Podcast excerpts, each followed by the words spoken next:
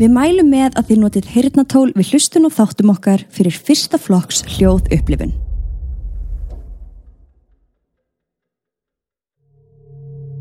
Við viljum minna á að þessir þættir eru alls ekki við hæfi barna.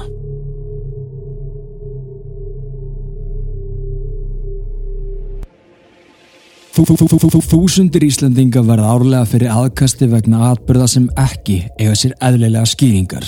Í gegnum tíðina höfum við fengið talsvert af sögum sendar til okkar þar sem fólk er raunverulega að lýsa hræðslu og óta á yfir náttúrulegri upplifun. Atvikum sem hafa komið fyrir þau á stopnunum, vinnustöðum, en þó lang oftast inn á þeirra eigin heimilum. Í þessum þáttum munum við fara yfir aðsendar sögur, deila þeim með ykkur og rýna betur í það saman. Ég heiti Stefan John Og ég heiti Katrín Bjarkadóttir og þetta eru sannar íslenskar draugasögur.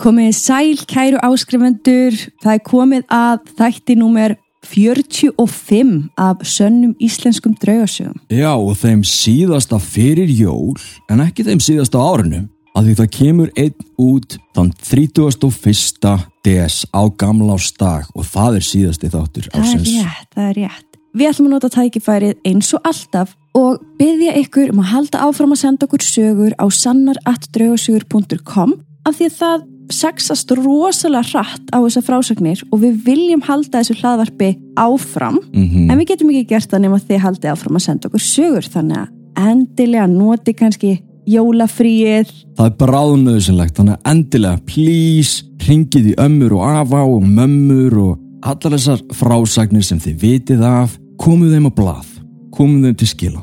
En við ætlum að segja ykkur eina sögu en í þessari einu sögu eru þrjár frásagnir. Mjög áhugavara frásagnir sem koma frá Hörpu Finnsdóttur. Þið þekkið Hörpu núna. Hún hefur sendt okkur áður og fengið mér svona tilengan þátt, þætti Já, sem voru bara undir hennar sögur. Þetta er einn slíkur af því að já, þetta er mjög áhugavert já, þetta eru líka langar frásagnir Já. og þær eiga eftir að reyfa aldeilis við ykkur. Já, það hefði alveg við okkur sko Ó, og við erum með hljóðupptöku líka Bóm, bóm, bóm. Ég held að það sé ekki eftir neinu að byggja. Vindum okkur í það. Saga 1 Torfkvalastaðir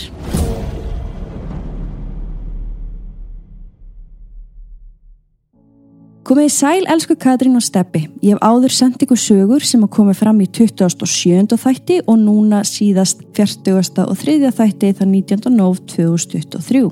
Þessar sögur hér fyrir neðan sendi ég ykkur í byrjun sömar saman minnir annan mæ en ég sendi þar aftur núna ef þar hafi ekki skilað sér og ef þið viljið nota þær. Það fylgir hér líka upptaka ef þið viljið skoða hann eitthvað frekar. Byttu, byttu, byttu, árum við höldum áfram. Eru við með þessa upptöku sem að um ræðir? Við erum með þessa upptöku. Og við getum hlustað á hana? Mm Ok, spenntur. Frá því að ég man eftir mér hef ég gengið gegnum alls konar hvað varðar yfirnáttúrulega hluti um æfina. Verandi 49 ára og þessu herrans ári 2023. Ég með ansið skrautlega skinjun á hennu yfirnáttúrulega sem þýðir að ég hef nokkrar skinjanir í fartæskinu en það fer eftir aðstæðum hvaða skinjun fyrir gang hverju sinni.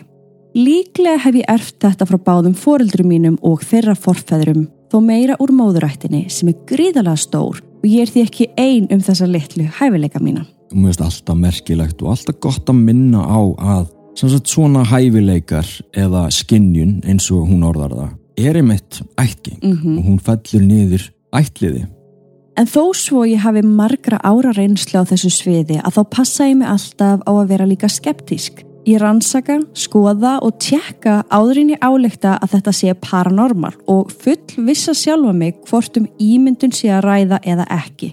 Mjög góður quality. Já, þannig ámar að gera þetta líka Fyrir mér er draugagangur og allt sem tengist þeim efnum mér mikið hjartans mál og það er einfallega vegna þess að það er ekki hægt að rökræða þetta málefni við mig og segja að þetta og hitt sé ekki til. Ég er búin að heyra, sjá og finna of mikið sem sanna fyrir mér að við erum ekki einn og þess vegna vek ég helst ekki aðtikli á þessum málefnum nema við þá sem hafa áhuga á að hlusta, leita ráða hjá mér eða skilja hvað ég er að tala um.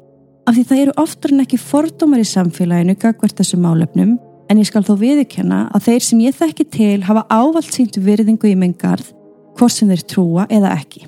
Þeim finnst sögurna mínar alltaf skemmtilegar en það tekið mér ekki hátilega nýja set mig á einhvert stall heldur hef bara gaman að þessu. Já, ég veit, hver hefur gaman að draugangi?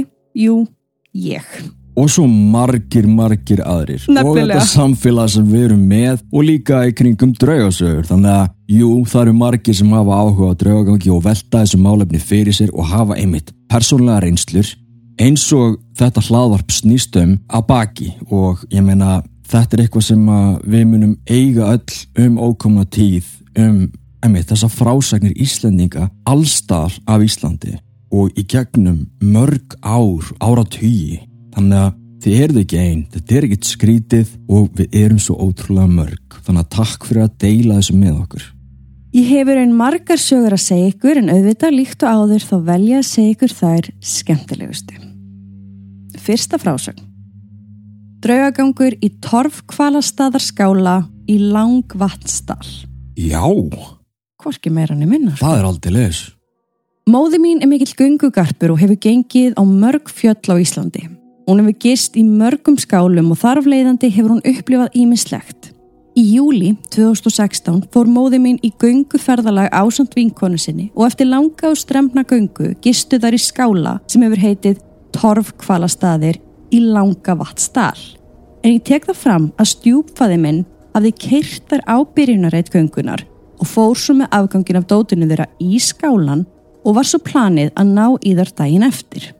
Hann sagði mig sjálfu frá því að þegar hann opnaði hurðina inn í skálan að þá þyrmdi yfir hann hræðsla og önnur óþægindi svo að hann skuttlaði dótinu rétt inn við dyrtnar, lokaði og kerði burt. Hann sagðist ekki hafa öfunda móði mína og vinkonu hennar að þurfa að gista í þessum skála um nóttina.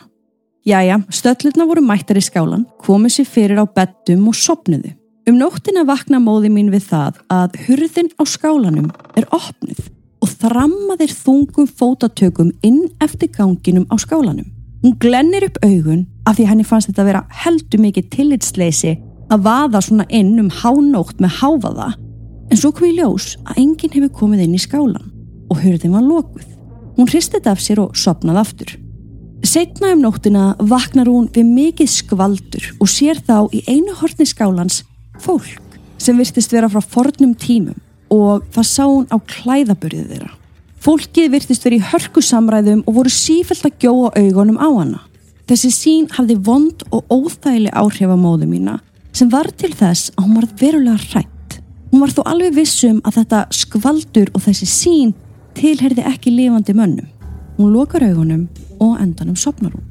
Í þriðja sinn þessa nótt vaknar hún við það að kona sest á dínuna hjá henni til fóta. Hvorug þeirra, þar að segja móði mín og konan, sögð ekki orð. En móði mín horfið á konuna og reyndi að stjaka við henni með fætinum. Þó allt í einu lagðist konan neður við hlið móði minnar og af einhverjum óútskeralegum orsökum loknaðist móði mín út af og sopnaði. Eftir að hafa sofið í smá stund rankaði móði mín við sér og fór þá að aðtuga hvort að konan var í farin með því að tegja handlikin aftur fyrir sig en fann þá að svo var ekki. Konan var enn við hliðinar. Þetta veitti móðu minni öryggistilfinningu á einhvern óútskýranlegan hátt og svaf hún værum svefni framundi morgun. Þannig að hún er bara í kósi með þessum rúmfélaga, Mm, með þessari konu. með þessari konu. Setna um morgunin þegar móði mín og vinkona hennar eru vaknaðar spyr móði mín vinkonu sína hvort að hún hafi heyrt lætin í skálanum um nóttina en vinkonan segist ekki að orðið verið við neitt. Upplifin móði minna var svo mögnuð að hún getur ekki enn í dag útskýrt þessa atbyrði öðruvísi en að þetta hafi verið hreitn og tær draugagangur. Hún fór í afvel að efast um að hún hafi verið vakandi þegar hún upplifið þessi atbyrði um nóttina En hvort sem var í vöku eða draumi þá voru þessir atbyrðir hannar mjög raunverulegir. Ég segi ykkur þannan formála að því að þessi saga tengist hugsanlega því sem á eftir kemur í frásögn 2. Nú, mér langar samt að koma inn á það bara fyrir okkur borgarbörnin, svo mm -hmm. tvent sem ég vil taka fyrir. Þá er þessi fjallaskálar og gönguskálar, þeir eru yfirleitt upp á einhverjum hálendum eða niður í einhverjum dölum og þeir eru yfirleitt ólæstir. Það er vegna þess að þeir eiga að vera bara svona skíli fyrir hvern þann sem leitar þangað inn. Mhm. og þess vegna er alveg gott að hafa í huga bara býtu, kemur kannski einhver inn? Er einhver að koma inn eða á einhver leið hjá eða svo leiðis og við hefum náttúrulega þurft að vera í þessum geira svolítið þannig að reglurnar eru yfirleitt þannig að þú þarft að bóka skálan borga ákveði gjald og þar með hefur þú forgang inn í skálan Já, þannig að ef það kom einhverju fleiri á bíl eða eitthvað þá eiginlega mega þeir ekki koma inn. Mhm, en ef að þið eru öll á sama báti þið eru bara að labba, þið eru ekki panta skálan þá megið þið fara inn og þið verðið þá að deila skálanum. En málið er samt líka það er svo langt, langt í næstu byggð. Þannig að þú heyrir ef það er bíl að koma. Þú heyrir alveg greinlega ef það er fólk og ef það er einhver að taka úr pókum og svoleiðis. Og þú heyrir náttúrulega þegar þau fara. Og það er enginn að koma í þessa skála að því bara. Nei. Þú veist, þetta er það langt ferðalag og strempið að, já, en ég vil bara taka það fram að því það er alveg nöðsynlegt að hafa það í huga ef þú gistir í ólæstu húsi, hvort að sé einhver að koma inn í það. Ég meina, þú veist, þetta er eitthvað sem maður pælir í. Algjörlega En þá ætti náttúrulega einhver að koma inn þá ætti náttúrulega einhver að koma inn Þú veist, þú ættir ekki bara að heyra læti Nei að því hún heyrir skilur einhvern koma inn mm svo næsta sín þá sér Hlustaðu á allan þáttinn inn á Patreon appinu sem er frítt. Þú skráir því áskrift inn á patreon.com skástrík sannar íslenskar og far nýjan þátt hálsmánaðarlega af sönnum íslenskum draugasögum. Engin binding og þú far aðgang að öllu efninu strax við skráningu. Svo af hverju ekki að prófa? Ég meina, viltu ekki vita hvernig sagan endar?